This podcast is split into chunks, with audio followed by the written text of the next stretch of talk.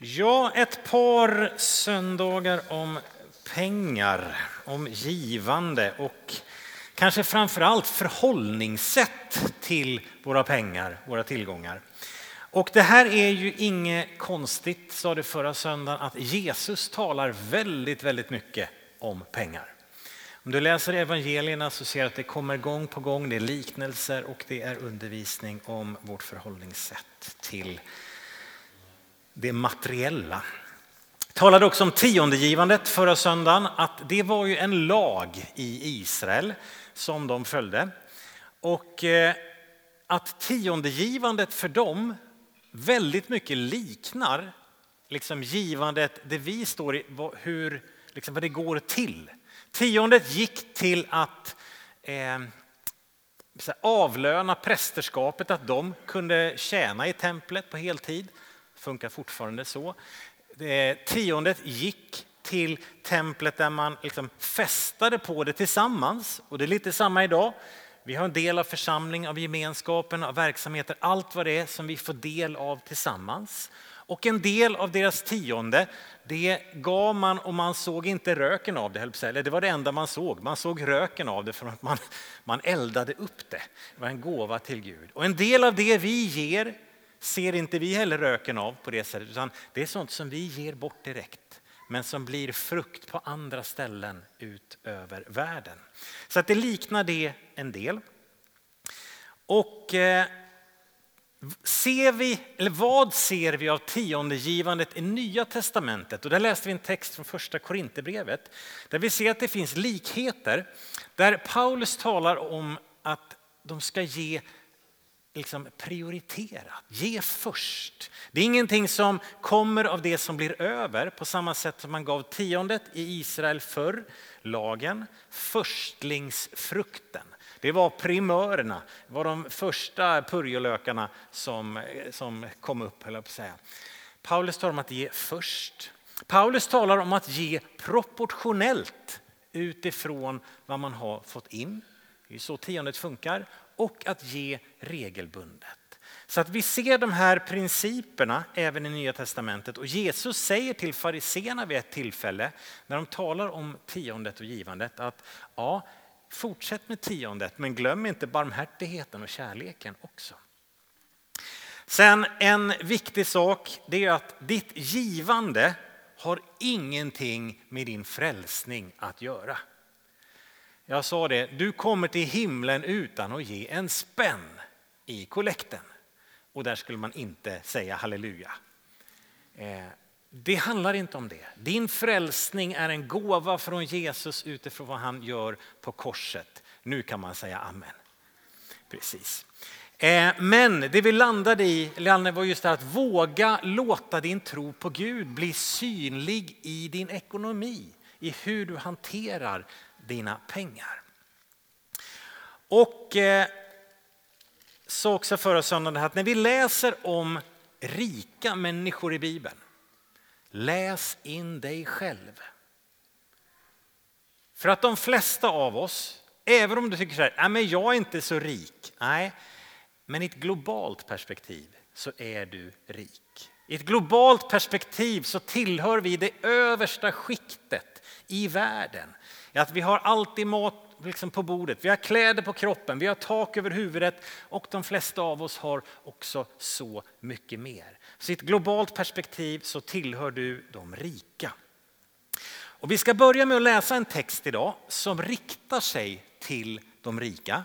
Som också visar ett förhållningssätt som att pengar behöver inte vara något problem. Det är inte så att man behöver skämmas som kristen för att man har pengar. Det behöver inte vara ett problem alls. Vi läser från första Timoteusbrevet kapitel 6 och vers 17 och framåt några verser.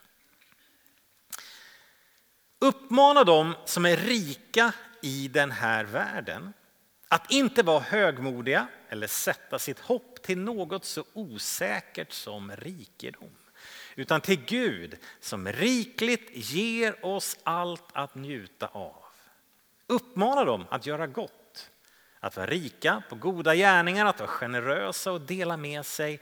Då samlar de en skatt som är en god grund för den kommande tidsåldern så att de vinner det verkliga livet. Det är strålande rader här. Om vi tar det första.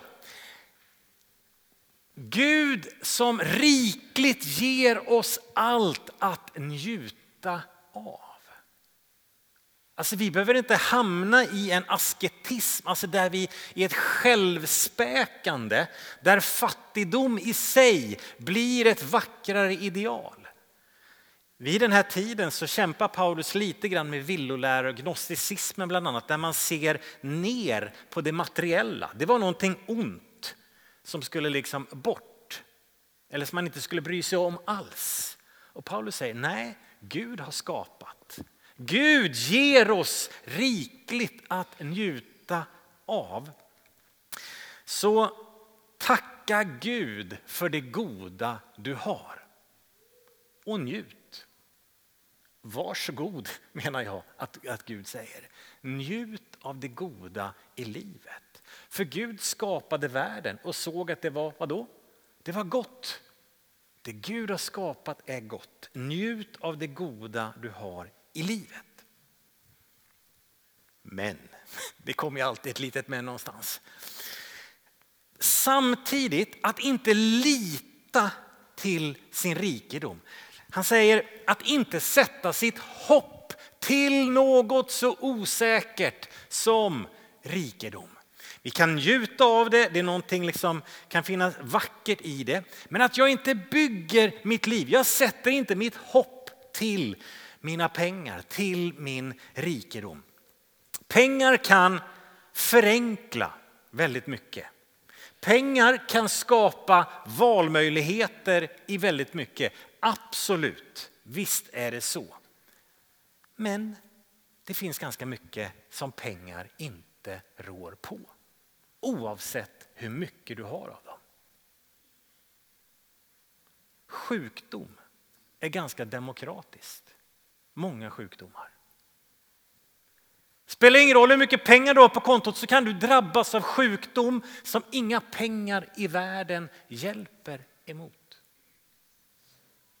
Dina relationer är lika sköra för rik som fattig. Jag måste vårda mina relationer, familj, mina närmaste oavsett. Det hjälper inte. Mitt äktenskap kan vara lika skört ändå. Det spelar ingen roll hur mycket som sitter på kontot. Relationen vårdas på ett annat sätt. Kan jag känna oro och rädsla? Absolut. Det är jag inte immun mot även om det är mycket pengar på kontot. Ja, vissa saker kanske jag slipper oroa mig för. Men om det var så att pengar löste allt det här då skulle ju alla rika människor i världen bara må så fantastiskt gott. Vara så harmoniska och lyckliga och bara liksom sväva fram genom tillvaron.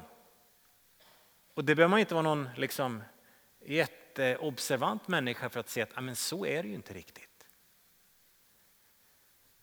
Det är också det här att hitta syftet med livet. Varför finns jag? Vad lever jag för? Det hittar du inte på bankkontot heller. Så ja, pengar kan förenkla vissa saker, skapa möjligheter, ja.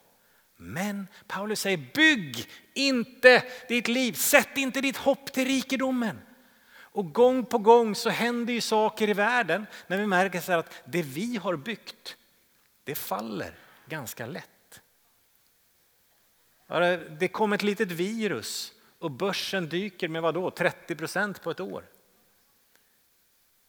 Bygg inte på något så osäkert som rikedom, säger Paulus. Det, är, det kan vara en hjälp, men ingenting att bygga livet på.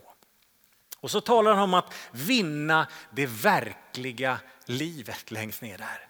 Att vinna det verkliga livet. Vad är det för något? Jo, att jag är rik på goda gärningar. Jag är generös, jag delar med mig. Då bygger jag någonting som har vadå? Evighetsvärde. Han talar om en skatt i den kommande tidsåldern. Det är så jag bygger någonting som kan bestå. Vi ska förvalta våra pengar, våra tillgångar på ett gott sätt här i världen. Absolut, det ska vi göra. Och en viktig del i ett klokt förvaltarskap, Jesus talar ganska mycket just om förvaltarskap. En viktig del i ett klokt förvaltarskap det är att vaka över sitt hjärta. Vad bygger jag på? Vart har jag mitt hopp någonstans? Vad är min trygghet egentligen? Det är ett sätt att vara en god förvaltare. Och ett annat sätt är att leva generöst. För jag vet att det här jag har fått, det, liksom, det ska vidare. Så det här är en text som ger dig ett gott liksom, förhållningssätt när du tänker på dina pengar. Jag ska inte sätta mitt hopp till dem. Det är inte det som är grejen. Utan jag ska vaka över hjärtat och sikta på någonting som kallas för det verkliga livet som har att göra med evigheten, generositet och givande. Så en, en viktig princip att få med sig. Du ska få en till som vi hittar redan i Första Mosebok 12. Och det här är en princip som också är genomgående i Bibeln, inte bara när det gäller våra tillgångar men även där. Ett löfte som ges till Abraham står så här. Gud säger, jag ska välsigna dig Abraham, jag ska göra ditt namn stort och du ska bli en välsignelse. Det står också att alla släkten på jorden ska bli välsignade genom dig. Ytterst sett så handlar det här om att alltså Messias frälsaren, Jesus Kristus, skulle komma genom Israels folk och sen bli en välsignelse för alla människor över hela världen. Det är på något sätt den stora, största bilden i detta.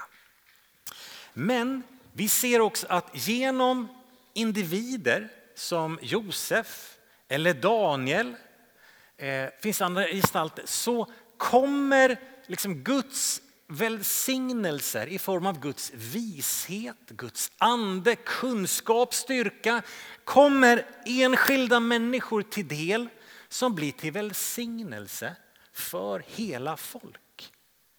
Josef, Gud leder honom, hjälper honom, befriar honom, hjälper honom att tyda drömmar som leder till vad då? Att hela Egyptens folk och många omkring överlever när det är svält.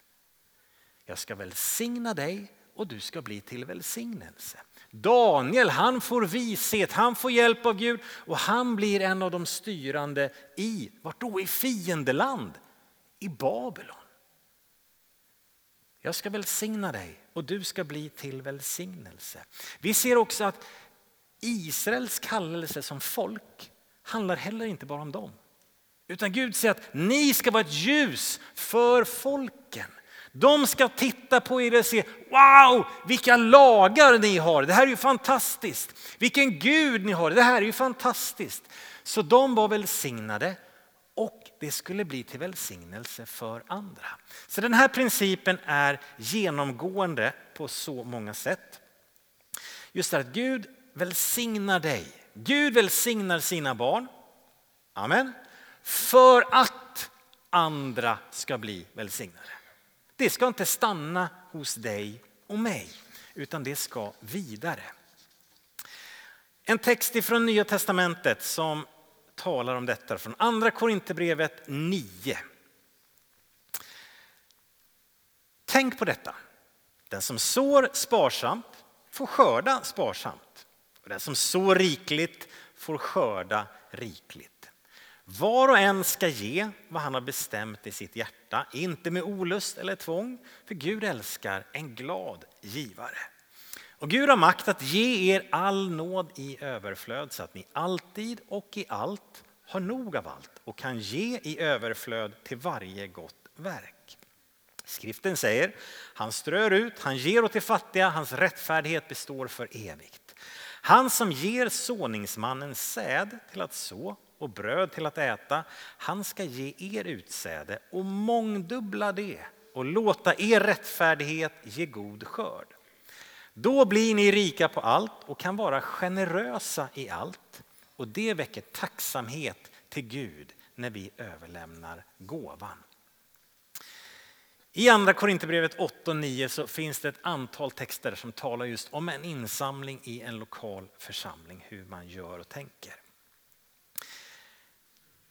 Här kanske du reagerar, så här, men i vers 7, var en ska ge vad han har bestämt i sitt hjärta, rad 3. Tänker du så ah, då tänker du och säger att nya, eller tiondegivandet hör inte till nya testamentet. Jag ska ju ge vad som står, liksom, vad mitt hjärta har bestämt. Så du som tänker att tiondegivandet hör inte till nya testamentet, så tänker du rätt. Fast du som var här förra söndagen, du hörde ju pastorn säga då att ah, men det är typ eh, att tiondegivandet ser vi i Nya Testamentet. Vad menar han egentligen? Ja, du tänker rätt, men du tänker fel. I Nya Testamentet är givandet inte begränsat till tiondegivandet. I Nya Testamentet är givandet inte begränsat till tiondegivandet. Det är större. Det är mer, det är överflödande, generösare. Du ser här nästa, vi ska vara då så rikligt. En som ger i överflöd. Att ni kan vara generösa i allt. Det är någonting som är mer, som är wow. Församlingarna i Makedonien de tiggde och bad om att få vara med och ge. Och de gav över sin förmåga, säger Paulus. Vad innebär det? Det kan ju du fundera på. Att ge över sin förmåga. Det är inte så att nu har jag gett mitt tionde, klart. Utan jag menar så här, vet, vi börjar där. Här är en bra ram, här är en bra kontinuitet. Och så står det, så rikligt Jörgen. Ge i överflöd, ge generöst. Alltså det stannar inte någonstans att nu har jag uppfyllt min kvot och så är det punkt och stopp. Jag menar att givandet i Nya Testamentet det är inte begränsat till tiondet utan det är från ett hjärta som på något sätt har fått i överflöd och så ger jag vidare. Och I den här texten finns också förståelsen, lite bakgrundsinformationen till det här varför. Och det är för att det är Gud själv som ligger bakom. Texten säger vad då? Gud har makt att ge er. Han som ger såningsmannen, han ska ge er utsäde. Det är Gud som är givaren ytterst sett. Det är han som välsignar. Det är han som gör så att du har nog så att du kan ge vidare. Men då säger du så här, nej, protest. Det är jag som har jobbat ihop detta. Jag har tagit i. Jag har till och med jobbat över. Och jag tog ett extra jobb. Och så jobbar jag lite till. Och så har jag kämpat i mitt anletes svett. Jag har kämpat och jobbat. Och så läste jag 17 böcker om att investera klokt. Och så har jag investerat klokt. Och därför har pengarna vuxit. Bra där. Bra jobbat. Bra förvaltat. Heja dig. Och det är ett gott förvaltarskap. Och så kommer den jobbiga frågan. Vem har gett dig kraften att arbeta? Vem har gett dig förmågan liksom, att investera klokt? Var det du som gav dig själv de förmågorna? Vem har gett dig dina omständigheter som du lever i? Att du bor just här, i det här landet. Med de möjligheter som vi har. Vem har gett dig förutsättningarna? Min vän, du är välsignad. Det kan vi kalla oss. Du är välsignad så att du har fått nog. Du är välsignad att ha kunnat fått förvalta det du har för att ge vidare. Det skulle aldrig stanna hos dig. Det handlade aldrig bara om dig, att du skulle få nog. Det var samma med Israels folk. Abraham, löftet till Abraham, Abraham jag ska välsigna dig. Vi läste en text förra veckan som sa att Abraham var jätterik. Jag ska välsigna dig Abraham och du ska bli till välsignelse. Min vän, om Gud har välsignat dig, underbart. Njut av det goda. Men det handlar inte bara om att du ska njuta av det goda, utan du är välsignad för att vara till välsignelse. Amen kan man få säga där. Det är fantastiskt faktiskt. Och en påminnelse som Israels folk får och som jag tror är väldigt, väldigt aktuell till dig och mig som lever i ett ganska välmående land och de flesta av oss har det vi behöver och mer än så. Så kommer den här påminnelsen i femte Mosebok 8. När du äter och blir mätt och bygger vackra hus och bor i dem. När dina kor och får förökas och ditt silver och guld och allt annat du har förökas. Låt då inte ditt hjärta bli högmodigt. Du ska inte säga i ditt hjärta, min egen kraft och hans styrka har skaffat mig denna rikedom. Nej, du ska komma ihåg Herren din Gud. För det är han som ger dig kraft att skaffa rikedom. Därför att han vill upprätthålla det förbund som han med ed har slutit med dina fäder så som det är idag. Att frestelsen att tro att jag på egen hand utifrån egen förmåga har fixat allting. Den fanns redan då. När man hade kor och får. Det är inte så många av oss som har det idag utan det ser ut på ett annat sätt. Han, bli inte högmodig säger han. Kolla inte på dig själv och tänk att wow, jag är duktig jag lyckas. Vilken investering!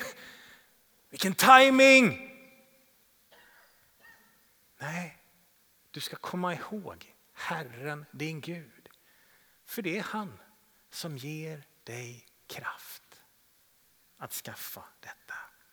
Förbundet var att Gud skulle välsigna dem för att bli till välsignelse för andra. Och även om vi lever i ett nytt förbund så är det samma tanke. Gud vill välsigna dig för att vara till välsignelse. Det gäller hela livet, det gäller också dina och mina pengar.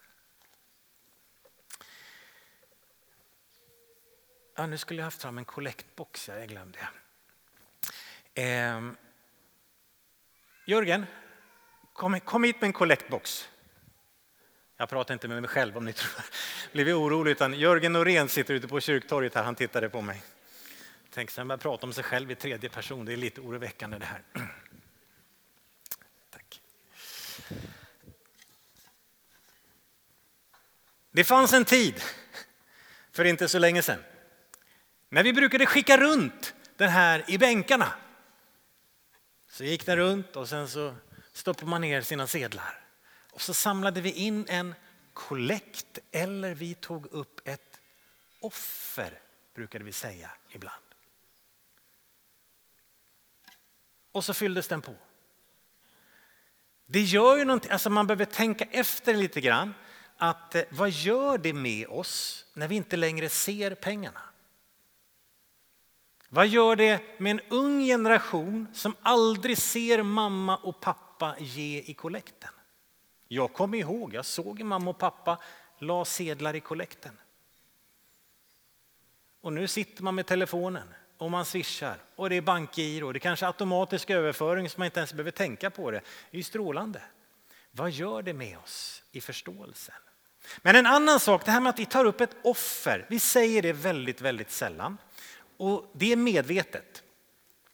För att för dig som är ny här i kyrkan om vi skulle säga så här, ja och nu ska vi, nu ska vi ge ett offer i gudstjänsten.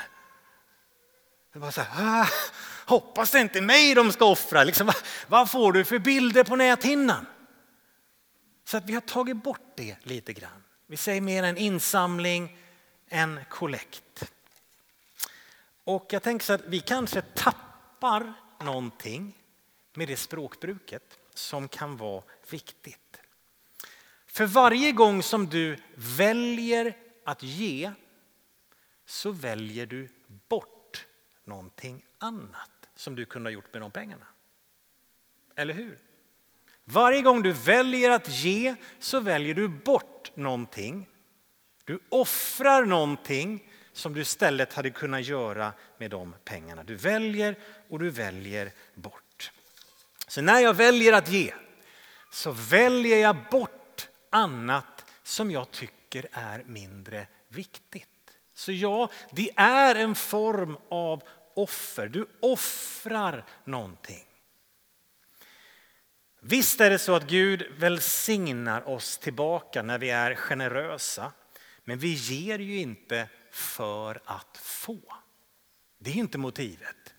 Det är ingen investering med garanterad avkastning på det sättet. Guds välsignelser kan komma tillbaka på helt andra sätt. Det är som att Gud har en annan valuta. Vi läste om att vinna det verkliga livet.